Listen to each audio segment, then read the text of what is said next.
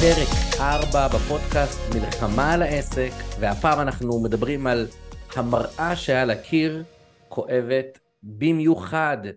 ואני אומר לכם שאני הולך לדבר פה על דברים מאוד כואבים בפרק הזה. אני הולך לשים את האמת הכואבת של אה, על בעלי עסקים, של בעלי עסקים, בצורה מאוד מאוד כואבת, אז למי שיש לו לב חלש, מי שלא מסוגל לשמוע את האמת, אני באמת מבקש מכם לעצור עכשיו את השמיעה, את ההאזנה או את הצפייה של הפודקאסט, בבקשה, את הפרק הזה אל תשמעו, תקפצו לפרק הבא. הפרק הזה מיועד רק לאנשים שבאמת מוכנים לקחת 100% אחריות על עצמם ולשמוע דברים שהם אולי יהיו דברים שהם קצת קשים, אוקיי? אה, בשבילם, אבל אני מוכרח לומר אותם, זה הפודקאסט שלי, אז מותר לי לדבר על מה שאני רוצה, ברגישות, אני אשתדל להיות כמה שיותר רגיש, ואתם יודעים כמה שאני רגיש, אז אני לא באמת צריך להתנצל על זה, אבל אני עדיין רוצה לומר, לומר פה דברים בפרצוף, כמו שאומרים. ולכן בחרתי לקרוא לזה, לפרק הזה, המראה שעל הקיר כואבת במיוחד. ותראו, אז אחרי שעשיתי את ההקדמה הזאת, אני רוצה לומר לכם, אמ, אני כאילו הוצאתי את הקדמה קצרצרה ל, לרעיון של הפרק הזה. הייתי בשיעור תורה, והרב דיבר שם, הוא, הוא התחיל, זה, זה כאילו, אני אסביר לכם אחר כך איך זה קשור כמובן לעסקים, כן? והרב אמר שם שהיו הרבה אנשים ששאלו אותו בשבוע, בשבועיים האחרונים, איפה אלוהים היה בשביעי לאוקטובר? והרב אמר שהוא עונה לאותם אנשים ואומר להם, תראו, איפה אלוהים היה בשביעי לאוקטובר? זאת שאלה באמת באמת קשה, ואין עליה תשובה, זאת האמת. קרו פה דברים נוראים, ואיפה אלוהים היה בשביעי לאוקטובר זאת שאלה מעולה. אבל הרב אמר, מעבר, לזו, מעבר לכך שזאת שאלה טובה, איפה אלוהים היה בשביעי לאוקטובר, הוא אומר, אני שואלתי את אותם אנשים, איפה אתם הייתם עד השישי לאוקטובר? איפה אתה היית? איפה את היית? האם אתם יצרתם פילוג? האם אתם הייתם לא באחדות? איך התנהלתם ביום יום שלכם? האם הייתם אנשים שכבר מתנהלים בצורה בלתי נסבלת, לא באמת נותנים כבוד אחד לשני? ואדם צריך לשאול את עצמו איפה הוא היה עד השישי לאוקטובר, לפני שהוא מגיע לתאריך של השביעי לאוקטובר ושואל איפה אלוהים היה בשביעי לאוקטובר. עכשיו, זה דברים שהם מאוד קשים, כי ברור שבוצעו שם זוועות נוראיות, ואף אחד, בטח לא מאלה שעברו את הזוועות האלה, לא צריכים לשאול את עצמם מה הם עשו עד השישי לאוקטובר, הם, הם עברו באמת תופת. אבל אלה שלא היו שם, אלה שמסתכלים מהצד, חייבים לשאול את עצמם את השאלה הזאת. כי כל דבר שקורה כאן בעולם, הוא קורה כדי ללמד אותנו משהו. הוא קורה כי אנחנו צריכים ללמוד ממנו משהו. אם לא נלמד מזה, אז, אז זה חס וחלילה כאילו הכל היה לחינם. לכן אנחנו חייבים להיות בלמידה ולשאול את עצמנו, זה קודם כל ברמה האישית, כל אחד גם אפרופו ה, ה, מה שקרה בשביעי לאוקטובר, לשאול איפה אנחנו היינו, האם אנחנו יכולים להתחזק בלדבר פחות לשון הרע או לא לדבר לשון הרע, האם אנחנו יכולים להתחזק בבן אדם לחברו, בלכבד יותר אחד את השני, כל אחד את בן, בת הזוג שלו, כל אחת את בן, בת הזוג שלה? האם אנחנו יכולים להתפלל אולי יותר בכוונה, או להניח תפילין, או כל אחד ברמה שלו, איפה שהוא נמצא, אולי להתחזק עוד קצת, גם בבין אדם למקום, שזה ביחס, במערכת היחסים שלנו עם הקדוש ברוך הוא, וגם בבין אדם לחברו, שזה המערכות יחסים שיש לנו עם החברים שלנו. אז זאת הייתה ההקדמה, ועכשיו אני רוצה לדבר על העסק. תראו, זה, זה ממש כאילו מעצבן אותי שבעלי עסקים קורסים בגלל המלחמה. כן, זה, זה ממש מעצבן אותי. מעצבן אותי שבעלי עסקים שבוע אחד לא עבדו מאז פרוץ המלחמה וכבר הייתה להם בעיה תזרימית. מעצבן אותי שהם אומרים שאי אפשר למכור גם שלושה שבועות אחרי פתיחת המלחמה והם משתמשים במילים כמו איך ממשיכים מכאן. למה זה מעצבן אותי? אני רוצה להסביר. כי אותם אנשים מתייחסים רק ליום שאחרי, זאת אומרת, הם מתייחסים רק לשמיני לאוקטובר והלאה. אבל האמת היא ש-90% מהאנשים שעכשיו העסקים, העסקים שלהם בקריסה או בבעיה תזרימית, אני רוצה שהם ישאלו את עצמם איפה הם היו עד השישי לאוקטובר. איך העסק שלך היה נראה עד השישי לאוקטובר? האם באמת עשית שיווק כמו שצריך? האם באמת התנהלת נכון פיננסית? האם באמת, האם באמת, זה, זה כאילו מעצבן אותי שכאילו הבעלי עסקים עכשיו הפכו להיות הקורבנות של המצב וזועקים ואומרים יואו, אין לי לידים, אף אחד לא פונה אליי באינסטגרם. ושאלתי אחת כזאת בימים האחרונים, מישהי אחת כזאת שפנתה אליי, אמרתי לה, תגידי, ועד השישי לאוקטובר כן היית מקבלת אה, פניות באינסטגרם? היא אמרה לי, אה, האמת שלא. ואני אומר, אוקיי, את לפני המלחמה גם לא התנהלת נכון בעסק שלך. אז איך את יכולה עכשיו להתבכיין שבגלל המצב העסק שלך כרגע בבעיה? זאת אומרת, אלה שלא לקחו אחריות לפני המלחמה, אין שום סיבה שהם עכשיו ייקחו אחריות במלחמה. ו- ואני כרגע פונה לאותם בעלי עסקים, ואני אומר להם, איך עכשיו המנורה, איך עכשיו המנורה האדומה לא נדלקת לכם ב, ב, ב, ב, בווליום הכי גבוה שיש בעולם? איך אתם, איך אתם לא מבינים עכשיו שאתם פשוט לא מתנהלים אף פעם נכון בעסק, לא רק עכשיו בשבועיים שלושה האחרונים מאז שהתחילה המלחמה. ואם אותם בעלי עסקים, ואולי זה את או אתה, יכול להיות שאתם לא כאלה, אני מדבר על אותם, על, על אם יש פה מישהו ששומע אותי והוא כן כזה.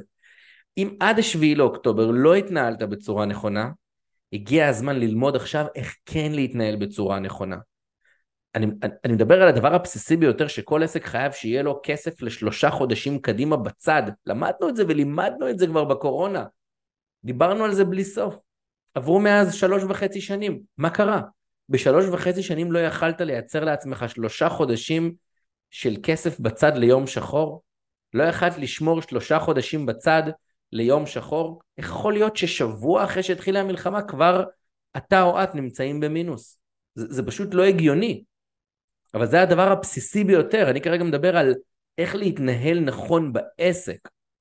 עכשיו, כן, אני יודע שיש עשרה אחוז נגיד מהמדינה, שכרגע באמת באמת מושפעים לגמרי מהמלחמה. נגיד כמו מפיקי אירועים, או אנשים שגרים ממש בעוטף או בצפון, ואשכרה פונו מהבתים ומהעסקים שלהם. בטח משפחות שמתאבלות, ומשפחות שמחכות לנעדרים ולחטופים. בוודאי שהאנשים האלה, אין לי מילה אחת לדבר, להגיד להם, אני אוהב אתכם, אתם, אני, אני ממש מחכה כבר לרגע שבו אתם תחזרו לבתים שלכם, ושהיקרים שלכם יחזרו אליכם בבטחה ובשלום, בריאים ושלמים בעזרת השם.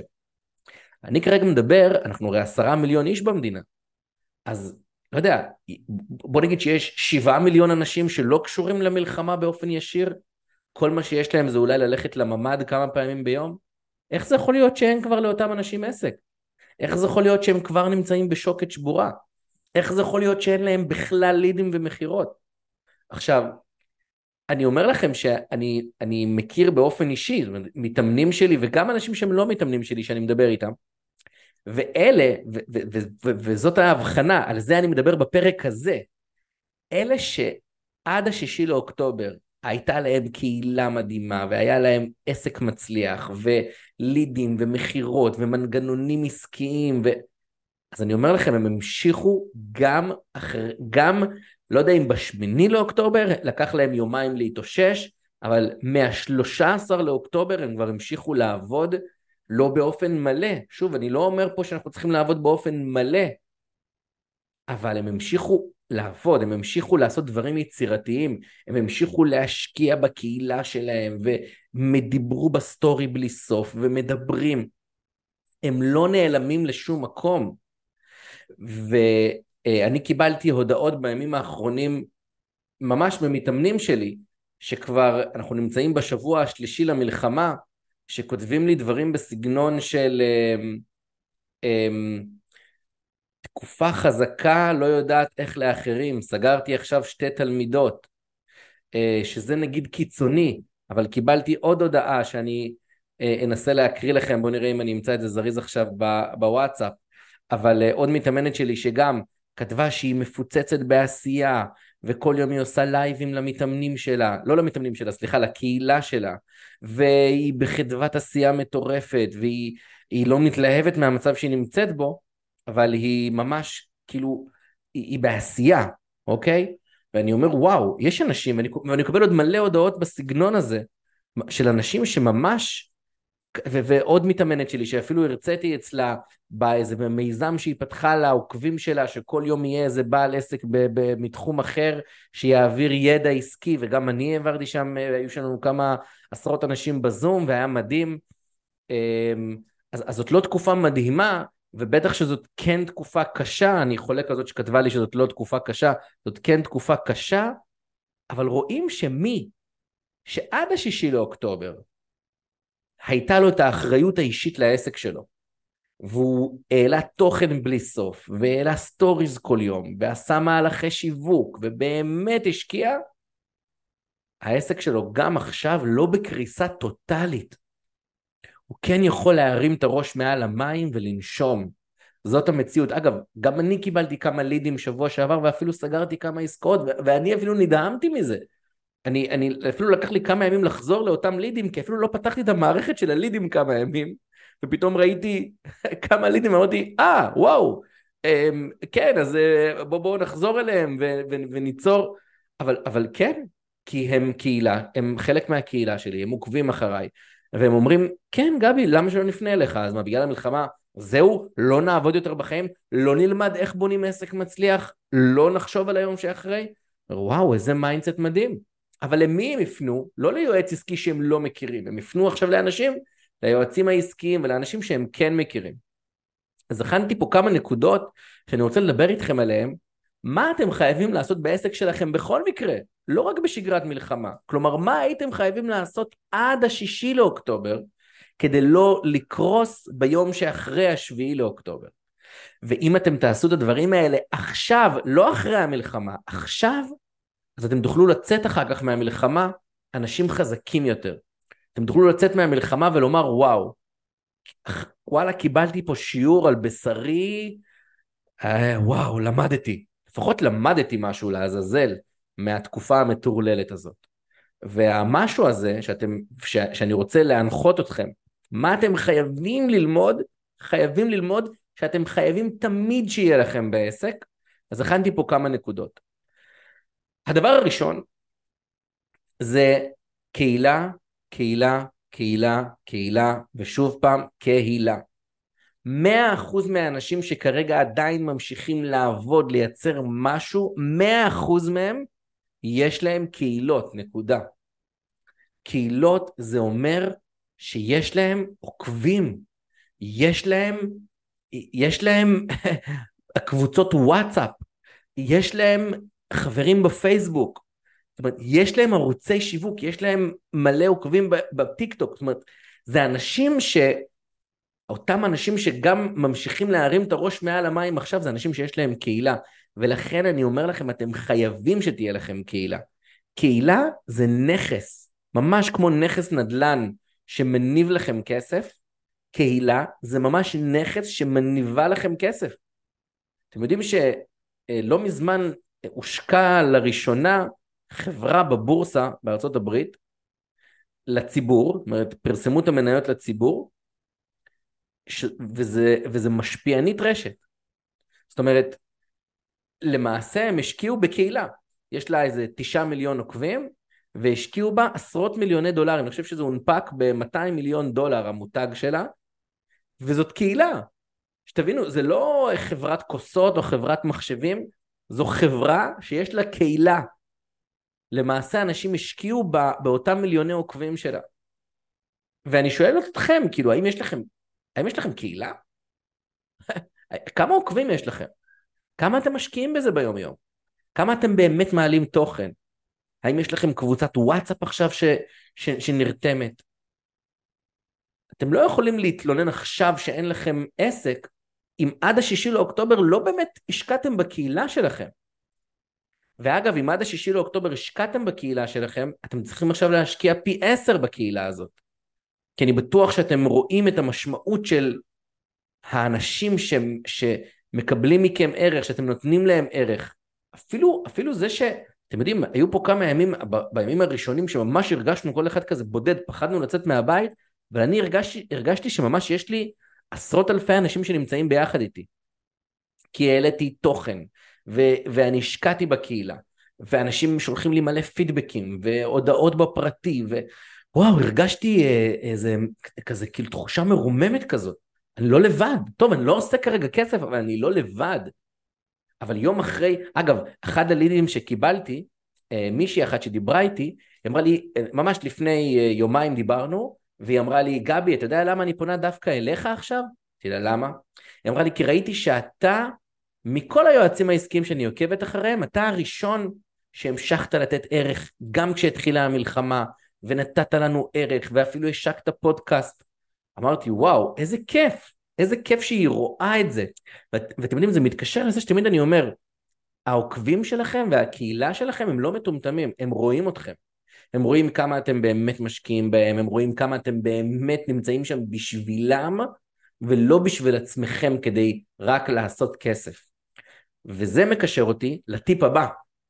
הטיפ הבא שאני רוצה לומר לכם זה, אתם חייבים קהילה בעסק שלכם, ושימו לב שהשיווק שלכם חייב להיות שיווק באמת אמיתי. זאת אומרת, שיווק כזה שמייצר אנושיות, שמייצר מכם אותנטיות, שכתוצאה מכך מייצר אמון אמיתי עם העוקבים שלכם.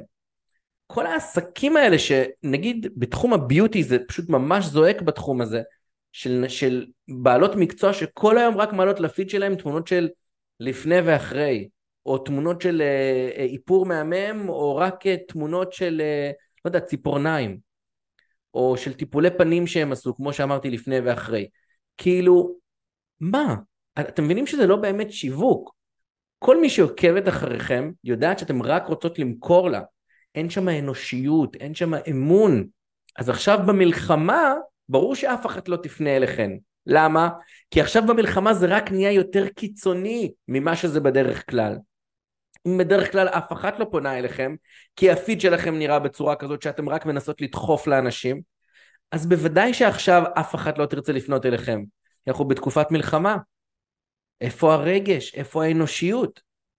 אז אתם חייבות להתחיל לשים סטוריז שרואים את, התמ... את הפרצוף שלכם. אתם חייבות להתחיל לשים שם ערך אמיתי במאה אחוז שבו אתם עוזרים לאחרים. אני מדבר גם על מנטורים, אני מדבר על, על, על תחום הכושר והתזונה ומכל תחום, אדריכלים, מעצבי פנים, עורכי דין. דיברתי עם עורכת דין שאומרת לי אני לא יודעת מה לעלות. כרגע, אם, אם לא משנה באיזה תחום מתעסקת, עוד פעם, אני לא רוצה להסגיר פה את האנשים שאני מדבר איתם, אבל, אבל יש כל כך הרבה על מה לדבר, בסדר? כל כך הרבה על מה לדבר עכשיו עם העוקבים שלכם. אבל מה הבעיה? אתם אומרים, גבי, אבל אני לא יכול כרגע למכור. סבבה, גם אם אתה לא יכול למכור, אז מה זה אומר? מה, מה אתה בעצם אומר לי? שאם אתה לא יכול למכור, אתה לא רוצה לתת ערך. וזאת הבעיה, כי, כי זה מראה לי שתמיד הערך שאתה נותן הוא עם אינטרס של למכור. ואת זה העוקבים שלך מרגישים.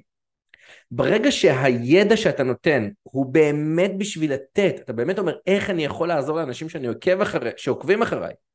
אם תיתן ערך בצורה הזאת, זה יחזור אליך בפי מיליון יותר כסף.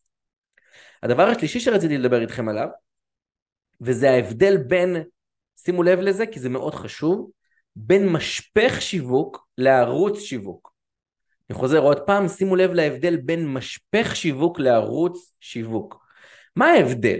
ובזה בעלי עסקים מתבלבלים, ובאמת, זה 90% מהאנשים ש- שאני רואה מתבלבלים עם זה, ואם אתם עכשיו, בתקופה הזאת של המלחמה, תוכלו ליצור את ההבדל בין משפך שיווק לערוץ שיווק בעסק שלכם, וואו, אתם תצאו מהתקופה הזאת, מה זה חזקים? אין דברים כאלה. אז מה ההבדל? שימו לב, ערוץ שיווק זה למעשה אינסטגרם. אינסטגרם זה לא משפך שיווק, אינסטגרם זה ערוץ שיווק.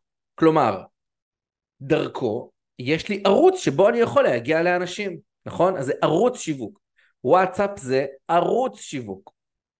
אמ, פייסבוק זה ערוץ שיווק. זה נקרא ערוצי שיווק. יש המון סוגים של ערוצי שיווק. רשימות תפוצה, אמ, וואטסאפ, פייסבוק, טיק טוק, לינקדין, אינסטגרם, אוקיי? כל הדברים האלה קוראים להם ערוצי שיווק. עכשיו, מה הבעיה של בעלי עסקים? הם חושבים שבזה נגמר הסיפור. הנה, יש לי ערוץ שיווק, אני מעלה לשם תוכן, יאללה, סבבה, הנה, אני משווק. ופה אני רוצה רגע לשבור לכם איזה קונספציה. זה רחוק מאוד מלהיקרא משפך שיווק. משפך שיווק זאת אסטרטגיה. משפך שיווק זה כל המשפך. זה אומר שאתם חושבים על המסע של הלקוח שלכם. מהרגע שהוא רואה אתכם פעם ראשונה, וזה באחד מערוצי השיווק שלכם, אבל איך אתם כרגע גורמים לו לעבור איתכם איזושהי מסע בתוך המשפך שיווק, עד לרגע שהוא הופך להיות לקוח שלכם. משפך שיווק זה שאתם חושבים על משפך הכסף. משפך הכסף הוא, הוא, הוא, הוא, הוא, הוא כאילו נר לרג, לרגליכם, הוא אמור להיות הדבר שאתם כל היום רק צריכים לחשוב, רגע, איפה כרגע הלקוח שלי נמצא במשפך הכסף? מה זה משפך הכסף? משפך הכסף זה בעצם המשפך הזה שאומר שהלקוח לא יכול מיד לקנות ממני. אני צריך ליצור מולו איזושהי מערכת יחסים, צריך ליצור מולו אמון, ולכן אני קודם כל רוצה לתת לו משהו בחינם. אבל אחרי שנתתי לו משהו בחינם, אני רוצה למכור לו משהו שעולה אולי 100 שקל. ואז אחר כך אני רוצה למכור לו עוד משהו שעולה 800 שקל. ואחר כך אני רוצה למכור לו עוד משהו שכבר עולה 5,000, ואחר כך 20,000. כלומר, יש כאן איזושהי אסטרטגיה איך אני מעביר את הלקוח שלי ממש בשלבים בדרך לעד שאני, עד שהוא הופך להיות רווחי. עכשיו זה יכול להיות עם מוצרים חינמיים, זה יכול להיות עם קורסים דיגיטליים שאתם יכולים לתת אותם אגב בתקופת המלחמה גם בחינם. אבל יש איזושהי אסטרטגיה, אתם חושבים על הדברים לפני זה. ערוץ שיווק לבד זה לא מספיק. חייבים גם, אתם חייבים גם לבנות משפך שיווק עם אסטרטגיה וזה חייב להיות נאמן למשפך הכסף. משפך הכסף זה, זה משהו שהוא באמת basic, basic, basic, basic, בשביל ליצור את המשפך שיווק שלכם, כי הוא זה שבעצם נותן את, ה, נותן את המבט מלמעלה, איך אתם, הרי אי אפשר להיות עשירים, אי אפשר להתעשר ממוצרים שהם בחינם, מן הסתם. גם אי אפשר להיות עשירים אם המוצרים שלכם עולים בין 100 ל-300 שקל, כי אתם יצטרכו למכור למאות לקוחות בשביל להגיע להכנסות של 50, 70, 100 אלף שקל בחודש. זאת אומרת, אתם תתחילו להתעשר רק מהרגע שאתם תתחילו למכור מוצרים ב-5,000, ב-10,000 שקלים ומעלה. זה יכול להיות תהליכים, זה יכול להיות אמ, אה, חבילות, זה יכול להיות אה, חבילות כאילו של טיפולים או של אימונים, בסדר? זה כל מה שהוא חבילה או, או, או תהליכי או משהו כזה ש, שאתם יכולים למכור סדנאות, שאתם יכולים למכור ב-3,000, 5,000 ומעלה. כי אז מספיק שאתם תמכרו ל-15 אנשים בחודש, כבר הגעתם ל-80 אלף שקל. עכשיו, חייבים את המבט על הזה, כשיוצרים את המשפך שיווק, בשביל להבין, רגע, אני רוצה למכור עכשיו משהו שעולה 5,000, אבל איך אני, איך אני מביא לשם את הלקוח? אני לא יכול מהסטורי למכור לו ב-5,000. אז אני צריך לחשוב, אני צריך להפעיל את המוח, אני צריך לבנות, כמו שאמרתי, אסטרטגיית שיווק, משפך שיווק. ואז אני אומר, אוקיי, אז בהתחלה אני רוצה לתת לו משהו שהוא בחינם, אבל אז אחר כך אני אמ, ייתן לו משהו שעולה 200 שקל, אבל שהוא קשור כמובן ל-5,000. ואז, זאת אומרת, חייב להיות כאן איזושהי מחשבה, איזושהי אסטרטגיה. וכשאתם בונים את האסטרטגיה, וואו, אין, יש משפט באנגלית של אחד המנטורים הגדולים בשיווק שאומר שהאדם רחוק מהמיליון הראשון שלו, משפך שיווק אחד טוב. זה כל מה שאתם צריכים. וכל מי שיצר פה אי פעם באמת משפך אמיתי ושומע אותי עכשיו, בטוח מבין למה אני מתכוון. צרו משפך אחד חזק, הגעתם למיליון הראשון שלכם. אבל ליצור משפך כמו שצריך. זה אחד הדברים שאני מקפיד לעשות עם כל מתאמן ומתאמנת שלי. לבנות איתם משפך שיווק אמיתי. בלי משפך שיווק מבחינתי המחלקה הזאת שקוראים לה שיווק לא באמת קיימת. כי רק להעלות סטוריז באינסטגרם זה לא מספיק. ואני אסיים בזה שאני רוצה לשכנע אתכם למה כן אנשים קונים עכשיו. הדבר הכי בסיסי, הכלל הכי בסיסי במושג הזה שקוראים לו קניות, שאנשים קונים משהו, הרי זה ברור שזה מגיע מרגש. והכלל אומר שככל שהרגש של הבן אדם הוא יותר גבוה, אז ככה הוא קונה הרבה יותר ו- וממש בלי הבחנה. ואני רוצה לשאול אתכם שאלה, האם לדעתכם הרגש של האנשים במדינת ישראל הוא גבוה או נמוך? ברור שהוא מאוד מאוד גבוה. אז ברור שאנשים קונים, אנשים קונים. תתחילו למכור, ויותר מזה, תתחילו ליצור קהילה, אבל אמיתית, מהלב, עם אותנטיות, וכמובן, כמובן, ליצור משפחי שיווק בתוך ערוצי השיווק שלכם. אז עכשיו יש לכם בעצם שתי אפשרויות, וזהו, אין עוד יותר משתי האפשרויות האלה. זה אם יש לכם כבר משפחי שיווק, אז כמובן לחדד את המסרים השיווק, השיווקיים שלכם בשל, בימים האלה, חידוד המסרים השיווקיים ולהמשיך למכור. אפשרות שנייה זה שאם אין לכם עדיין את המשפחי שיווק האלה, אם אין לכם עדיין את הקהילה הזאת, אז ליצור אותם עכשיו, ממש ברגעים אלו. קיפאון זה הדבר הכי נורא שאתם יכולים להרשות לעצמכם עכשיו, נקודה. להיות עכשיו, לשבת בבית בקיפאון ולהגיד, טוב, אני אחכה שזה יסתיים. הדבר הכי נורא שיכול להיות שבן אדם יכול להרשות לעצמו. אז אני רוצה לסיים את הפרק הזה ולומר לכם שאני מאמין בכם. אני באמת מאמין בכם, בך, בך, בכל מי ששומע אותי. אתם האנשים הכי איכותיים שיש בעולם. עובדה, אתם מקשיבים לפרקים בפודקאסט שלי, למרות שאתם רוצים להתקדם, אתם רוצים לשדרג את עצמכם, אתם רוצים למצוא את הדרך כן להצליח גם בתקופה הזאת ובכלל. אז אני מאמין בכם. מה שאני צריך זה שאתם תאמינו בעצמכם, שאתם תאמינו שזה אפשרי. אני מאמין בכם, ואני רוצה לאחל לכם בהצלחה.